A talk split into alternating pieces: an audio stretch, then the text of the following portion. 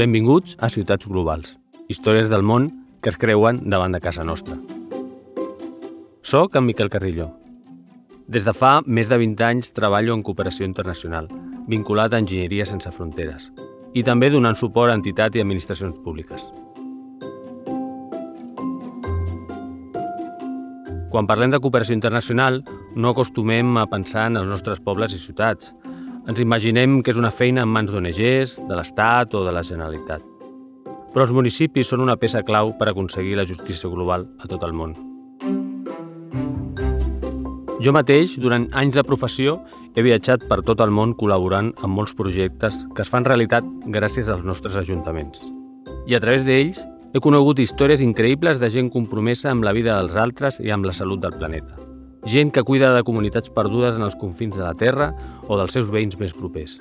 Ara us vull explicar les seves històries en aquest podcast, perquè crec que les seves vides ens poden ajudar a tots a entendre el perquè de tot plegat. Això és Ciutats Globals.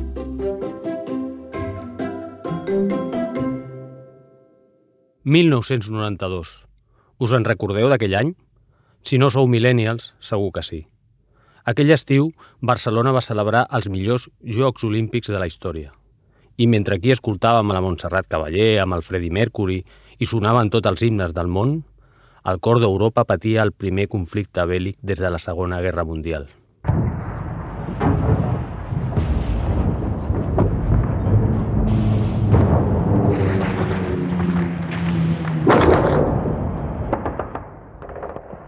Majoria de gent no era conscient de que ha començat la guerra ni perquè tothom aquí no s'ho creia que, que començaria la guerra.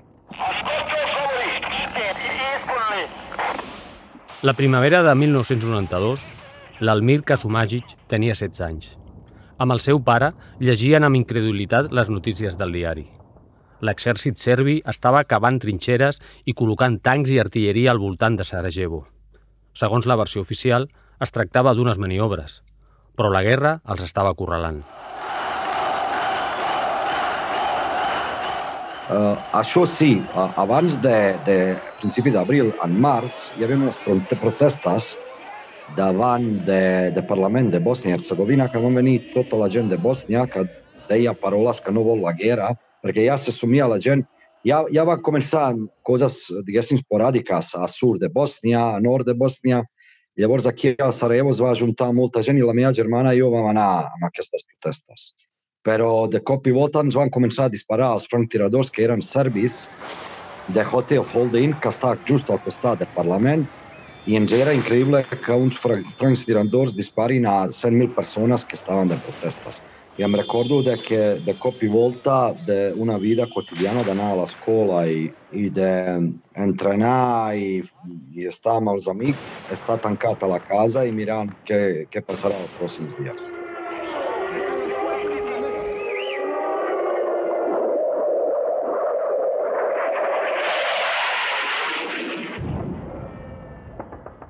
A partir de llavors, les sirenes de Sarajevo no van parar de sonar. La ciutat que havia celebrat els Jocs Olímpics d'hivern feia només 8 anys s'enfrontava a 3 anys i mig de setge. Era l'abril de 1992. No era molt fàcil perquè cada dia veies morts i ferits i etc. I és una cosa que se't queda gravada tota la vida. És a dir, i encara avui en dia te recordes d'aquests fets encara que hagin passat quasi 30 anys. Uh, caien bombes en un dia van caure 3.300 bombes. Tu imagina't, aquí, com que som bosnis molt d'humor negre, dèiem que cada casa es deia, que Sarajevo ja no es deia Sarajevo, sinó Sarajevo uh, Loteria, perquè saps que a loteria has de tenir set números encertats, em sembla. I aquí deien que Sarajevo és loteria perquè cada casa tenia set bombes. Uh, diguéssim que els, els, els, els hi van tirar set bombes a cada casa. Què vol dir això? Que durant el setge la gent havia de sobreviure amb coses inhumanes. Però, però és que marca tota la vida, és molt difícil sobrepassar-se en aquests moments, però clar, com deia, el, el, era qüestió de loteria, sincerament, si sobrevivies o no. Jo puc dir que sóc afortunat i que he sobreviscut perquè sincerament, molts de meus amics i de gent d'aquí no ha tingut sort perquè els va matar. A Sarajevo van morir 10.500 civils, dels quals 1.700 eren nens. La família Kasumagic volia evitar aquell infern als seus fills i l'Almir i la seva germana Sanela van fugir quan tan sols havien passat dos mesos de setge. Malgrat la presència de les tropes sèrbies, l'Almir va agafar l'últim tren que va poder sortir de Sarajevo. Va ser una cosa molt difícil, però com que la, la, la, la, diguéssim, la situació es va posar molt difícil a la ciutat, um, sincerament vam, tenir, vam, vam, vam ser molt independents nosaltres, encara que no érem majors d'edats, i vam decidir tots quatre que és, igual és millor separar-nos, que és una cosa molt difícil de, de decidir. Sobretot quan tu després ja tens els nens i, i, i penses que si, si es trobés aquesta situació, ojalà mai, uh, és molt difícil de, de decidir-lo. Jo crec que en aquests moments no, no hi ha una decisió certa, si no hi ha una decisió concreta en aquell moment ja està. O sigui, des decideix així i ja està la meva germana i jo som bessons, nosaltres vam sortir de Sarajevo, ells van quedar i ja està, no, no, hi, ha una, no hi ha una altra explicació. Mentrestant, a un altre racó del Mediterrani, Barcelona saludava el món.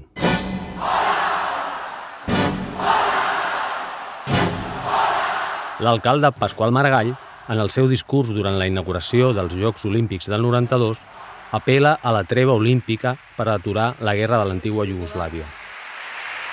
Germans, this city of ours, this open city of Barcelona, is today your city, the city of the entire world. I want to quote the letter I received from the Secretary General of the United Nations asking me to publicly call for the compliance of the July 17th agreement on peace on a truce in former Yugoslavia, which would be which would be the Olympic truce of the classical tradition. En aquella època, Maragall ja pensava que les ciutats tindrien un paper molt més rellevant en el segle XXI i va aprofitar la Olimpiada per teixir noves relacions. L'organització dels Jocs va fer un gran esforç perquè una delegació d'esportistes representés Bòsnia-Herzegovina, que encara no era reconeguda com un estat i el dia abans de la inauguració es va celebrar una trobada entre ciutats olímpiques al Saló de Cent de Barcelona. L'alcalde de Sarajevo trenca el setge i hi assisteix. La idea de que a Barcelona invitéssim a totes les ciutats olímpiques, això estava present des del primer moment. Sarajevo estava patint i era un, un al·licient molt més per tenir-les al costat. No? Pues ve l'alcalde de Sarajevo, en aquell moment, Mohamed Kreseljakovic, eh, ve amb dos tinents d'alcalde i amb una delegació de sis atletes, que són els que desfilen a l'estadi olímpic. Bòsnia-Herzegovina. I en la primera reunió al Saló de Cent, el Consell de Cent, eh, és quan l'alcalde Mohamed Kresoliafi fa una crida dient la, nosaltres estàvem, en aquell moment, la, la que ens van fer, estàvem a la cresta de la ola, la, estàvem a dalt de tot com a ciutat. Era la primera ciutat de l'est que organitzava uns Jocs Olímpics. Això passava fa vuit anys i ens acaben d'avisar que han bombardejat l'Ajuntament la, de Sarajevo. No? Llavors, això va crear un clima especial amb aquell dinar i allà es va crear el Sarajevo depèn de tu, que crida l'alcalde Maragall, amb un anunci dient si la comunitat internacional no reacciona, Sarajevo depèn de nosaltres. Ell és en Manel Vila, que des dels anys 80 va ocupar diversos càrrecs a l'Ajuntament de Barcelona. En aquell moment era gerent del districte de Nou Barris i estava volcat amb els Jocs Olímpics com tota la ciutat. Amb la campanya Sarajevo depèn de tu, la ciutadania catalana va omplir el pavelló de la Mar Vella i el de l'Arc de Triomf amb material humanitari de tot tipus i en aquell moment Pasqual Maragall li demana al Manel que es faci càrrec de les operacions amb Sarajevo. Experiència de cooperació directa, ciutat-ciutat, nosaltres no en teníem gens. I fins i tot a l'any 92 això de fer una cooperació directa i que una ciutat anés a ajudar una altra ciutat i tinguéssim que parlar amb ECO i amb Nacions Unides i amb, amb els cascos blaus, amb, amb ACNUR, això no hi havia aquesta, eh, no, teníem aquesta experiència, vull dir, en aquest sentit, el que és la cooperació directa ciutat-ciutat neix a partir del Barcelona-Sarajevo. I en aquell moment pues, ni ACNUR, ni la Creu Roja Internacional, ni les grans mm, eh, organitzacions humanitàries tenien clar com entrar a Sarajevo i com fer la distribució. Pues, en el fet aquest de dir, escolta'm, on s'ho muntem nosaltres o això es perdrà i aquesta ajuda no sabem com arribarà i poder-ho fer directament, doncs veritablement no teníem experiència i després, bueno, clar, busca camions, busca xòfers pels camions, eh, busca seguros que s'atreveixin a, a entrar a partir de la frontera de, de Itàlia amb Eslovènia, bueno, Eslovènia en aquell moment ja era Eslovènia, però és el moment aquell de, que es trenquen totes les repúbliques jugoslaves, no?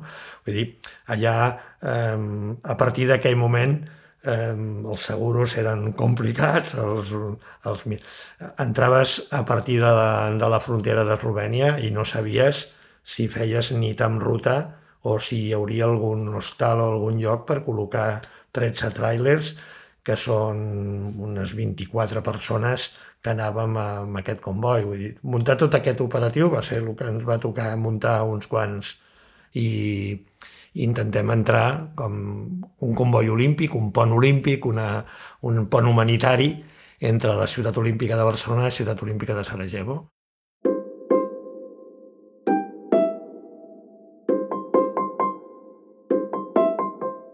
Quan parlo amb el Manel, no deixa de sorprendre'm la normalitat amb la que explica aquella aventura.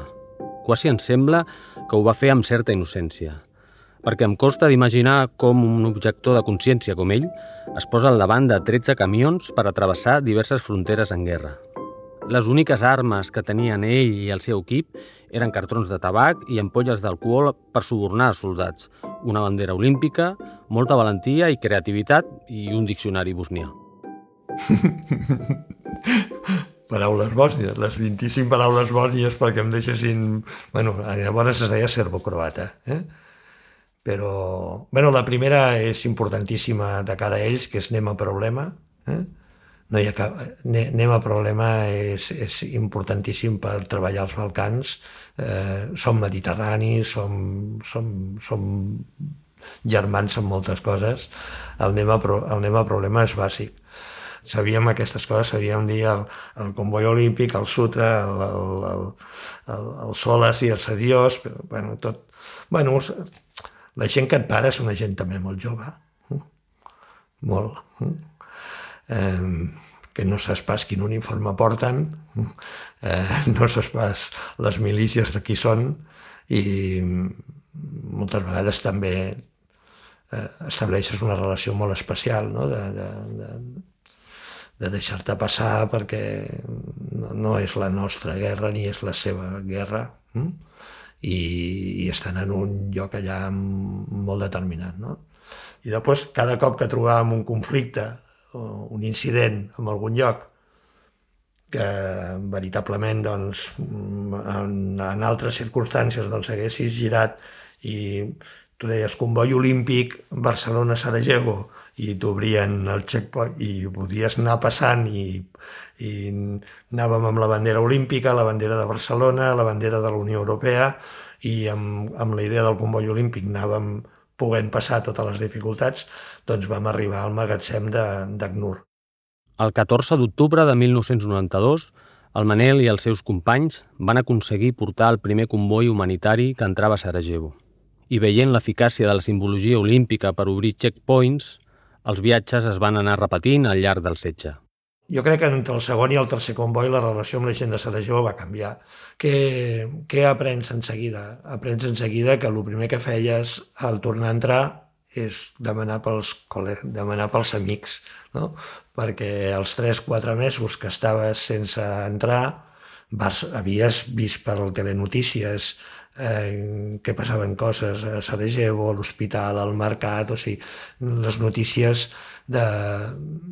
sempre eren molt cruels, no? I hi ha, hi ha una primera cosa que t'acostumes en seguida, que és només entrar i com estan els sòptics, com està la suada, com està la senada, eh, eh, bueno, eh, i, i en seguida busques això. Llavors, aquí amb el setge, el que m'expliquen els pares, us recordeu segur d'aquelles calefaccions de fa cent i pico anys, els que ja no utilitzava ningú.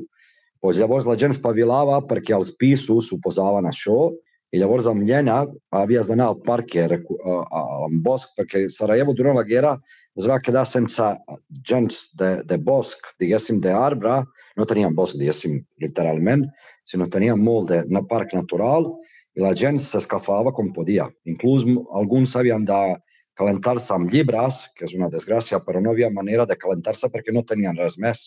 O sigui, viure sense electricitat. Imagina't tu, agafa tu un dia, només un dia, sense electricitat, aigua, i tenta-ho ja veuràs. Però llavors multiplica això amb tres anys i mig i, i, i encara que no ca caiguin granates, eh? encara que no, no, no estiguis separat de la família, llavors ja et donaràs compte com és. Sincerament, és que és inexplicable. La, la ciutat no tenia vidres pels bombardejos i el que es tenia que entrar són bales de plàstic i grapadores perquè en una ciutat d'hivern, en una ciutat que havia fet els Jocs Olímpics d'hivern, la gent pogués tapar-se les finestres amb plàstics i grapadores i a lo millor l'acció humanitària era més important aquesta que no una altra amb farina i blat, amb farina i blat de moro. L'altra qüestió que hem explicat diverses vegades és com t'acostumes a la vida quotidiana, no? O sigui, Pensa que en un dels viatges a, a l'hospital de, de, de Sarajevo, el doctor Nakes ens va demanar revistes. No? Eh, què s'ha publicat els últims... Què s'ha publicat? Què s'està publicant? Què, eh? Perquè, clar, no, no tenim constància d'això, no?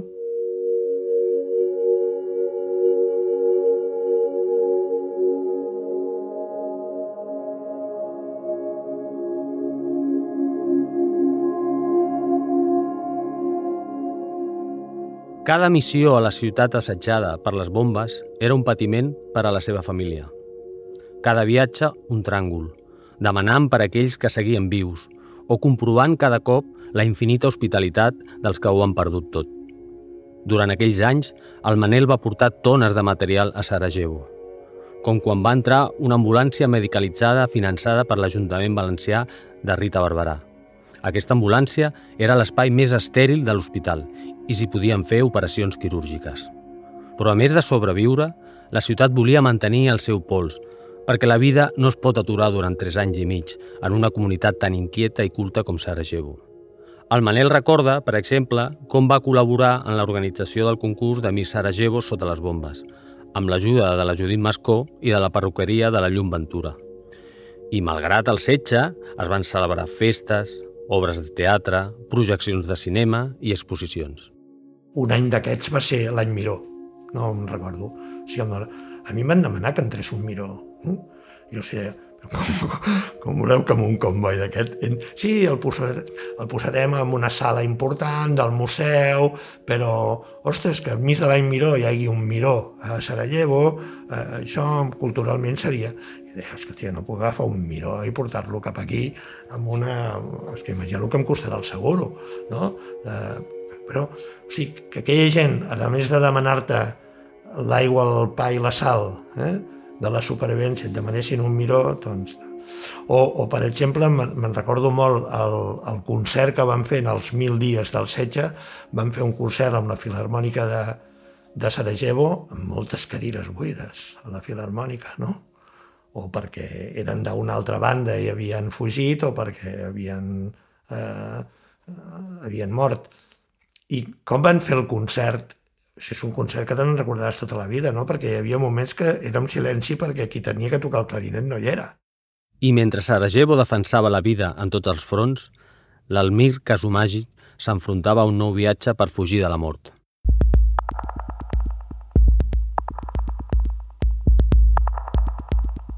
S'apropava a l'edat militar, diguéssim, ja podien agafar i, i matar, llavors no pots triar molt, eh? cada dia podies, arriscaves la vida.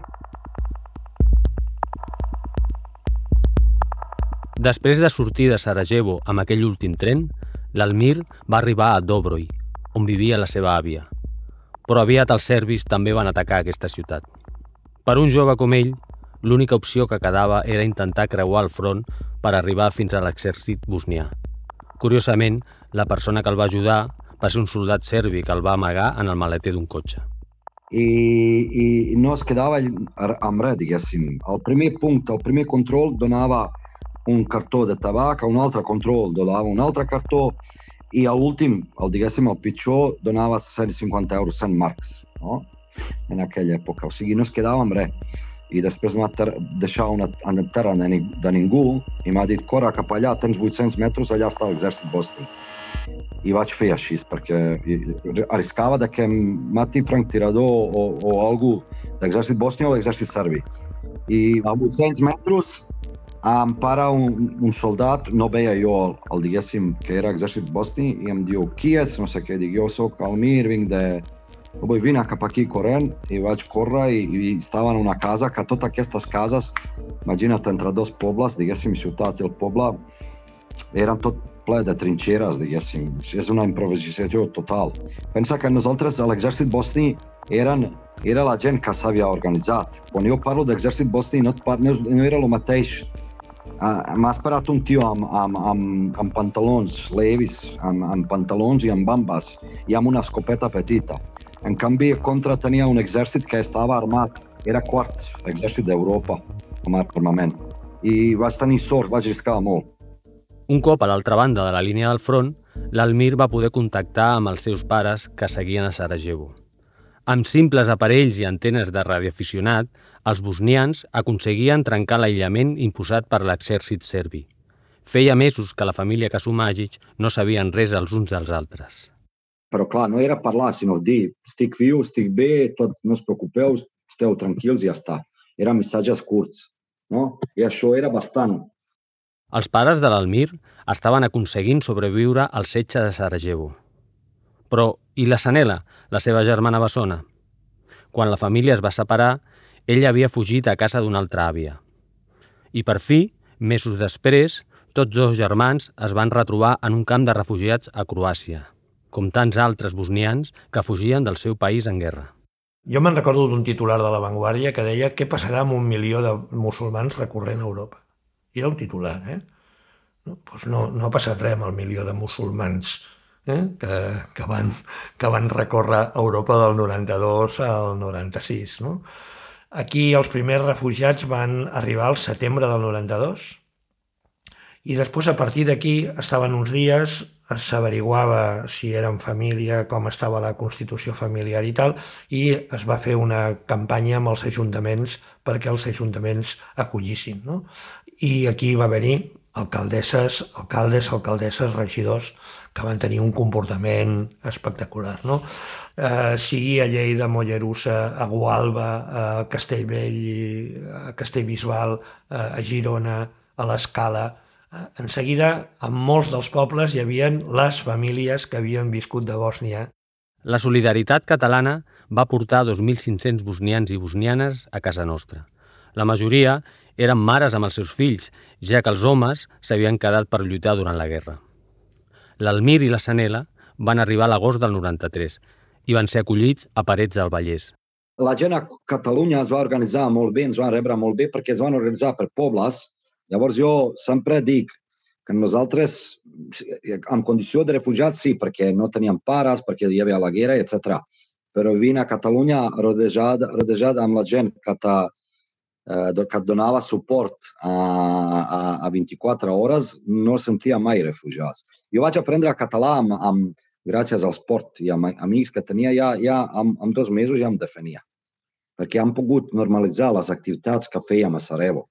Jo en una setmana ja entrenava handball.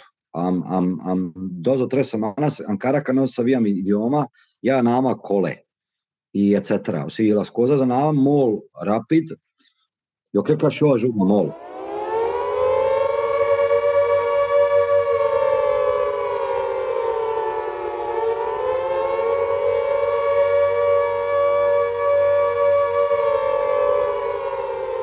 Però la guerra a Bòsnia continuava. Sarajevo seguia assetjada. El malson encara no s'havia acabat. Els primers, diguéssim, tres o quatre mesos no dormia per la nit i em dormia a les classes i no era perquè no sabia idiomes, sinó perquè estava preocupat pels meus pares i per la meva família que es va quedar a Sarajevo. No era únic jo. Tots els bosnis que em vam venir, tots vam tenir nostres éssers estimats a Bòsnia i sobretot els que estaven a, la ciutat assetjada com a Sarajevo, cada dia tenien possibilitat de que es matessin els, els franctiradors i els bombes de, de l'exèrcit serbi. Llavors era una preocupació constant. Durant aquells anys, les sirenes de Sarajevo van sonar a les places i pobles de Catalunya. Sonaven en record d'una ciutat assetjada cada dilluns a les 7 de la tarda. Primer es van escoltar a la plaça Major de Palau Tordera, però a poc a poc s'hi van sumar fins a 247 municipis catalans quan a Sarajevo van commemorar, perquè no sé quina és la paraula, quin verb posar-li, no? però quan l'alcalde va voler celebrar que portaven mil dies assetjats no? i van, va invitar els alcaldes que vinguessin a, a un acte a l'Ajuntament de Sarajevo per commemorar que portaven mil dies resistint. No? Clar, només va entrar l'alcalde de Barcelona i l'alcalde de Sabadell. Eh? La guerra de Bòsnia es va acabar a principis de 1996, després dels acords de Dayton. Sarajevo havia viscut un setge de 1.400 dies i nits, i els llaços que s'havien forjat entre Catalunya i Bòsnia van seguir creixent en temps de pau. Sarajevo estava destruïda i necessitava ajuda. Barcelona es va comprometre a reconstruir la vila olímpica del barri de Moimilo i les instal·lacions olímpiques del barri de Zetra. Va entrar l'alcalde Maragall amb el cap de l'oposició, Roca Junyent, a Sarajevo per firmar aquest acord. I el discurs que els hi fa l'alcalde amb una gent que fa tres mesos s'estaven barallant és vinc amb el cap de l'oposició perquè això és un acord de ciutat. Això és un missatge d'una potència tremenda en una ciutat que fa sis mesos s'estaven barallant entre barris. Però un cop més, i ja van uns quants a ciutats globals, la cooperació internacional va necessitar una mica de creativitat.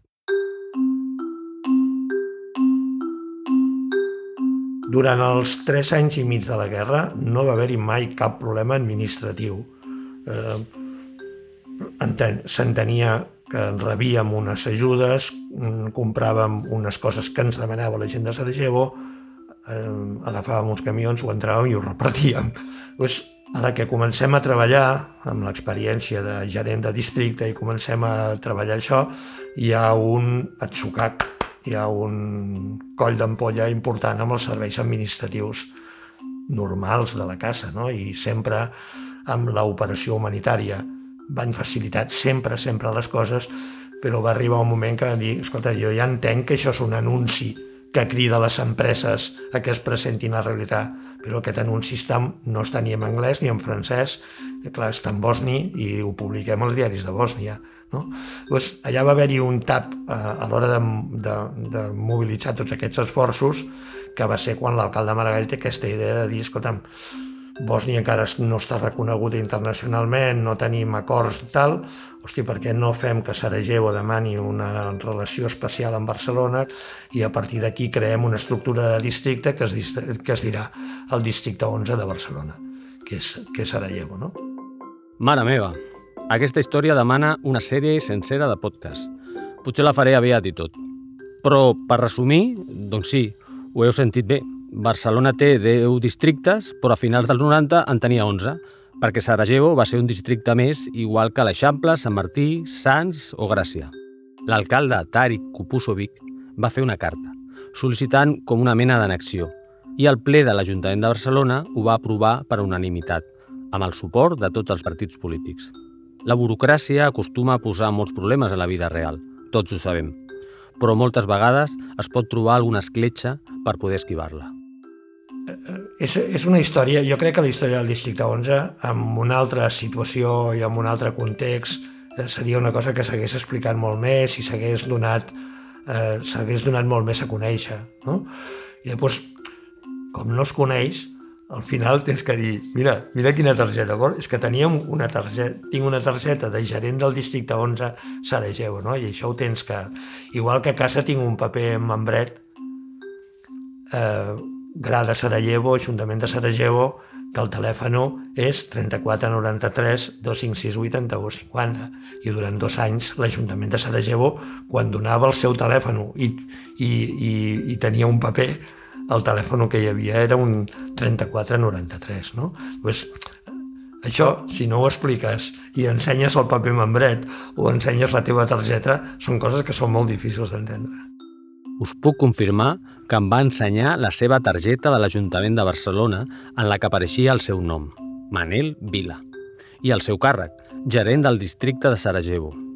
I gràcies a aquesta maniobra es va poder fer molta feina.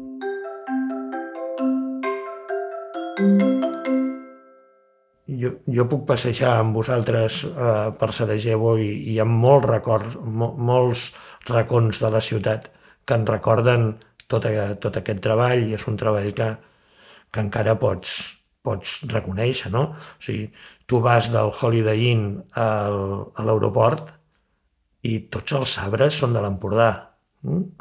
perquè tota l'avinguda de Franc Tiradors es va assegar amb, amb les ràfegues que hi havien i va haver-hi un empresari de l'Empordà que va enviar dos camions d'arbres, canyes, i, clar, tots els arbres que hi han a l'avinguda dels franquiradors del Holiday Inn, el, a la rotonda que va cap a, a l'aeroport de Sarajevo, saber quan passes per allà que són arbres de l'Empordà i preguntes tu què, et sembla que tenen aquests anys, no? Aquests arbres. I dius, bé, doncs, aquests arbres tenen 28 anys, no? Perquè vam plantar unes canyetes. I, I això és el que ens ha possibilitat que avui, avui eh, estem eh, juliol del 21 i avui de juliol del 21 l'Ajuntament de Granollers continua fent coses amb handball en Bòsnia, l'Ajuntament de Mataró continua fent coses amb teatre en Bòsnia. Hi han 300 persones que s'han decidit quedar aquí, que són catalans però que van néixer a Bòsnia, que la que qualsevol el Premi Internacional Catalunya d'aquest any va per quatre dones que han tingut un paper molt important amb la Covid-19 i una d'aquestes quatre dones eh, és una infermera de l'Hospital d'Igualada que va arribar amb tres anys eh, a Igualada i durant el, el tancament de la Conca d'Òdena, va, infermeria de l'Hospital d'Igualada va tenir un peu, un, un paper importantíssim. No? Pues aquesta gent que també es va quedar aquí.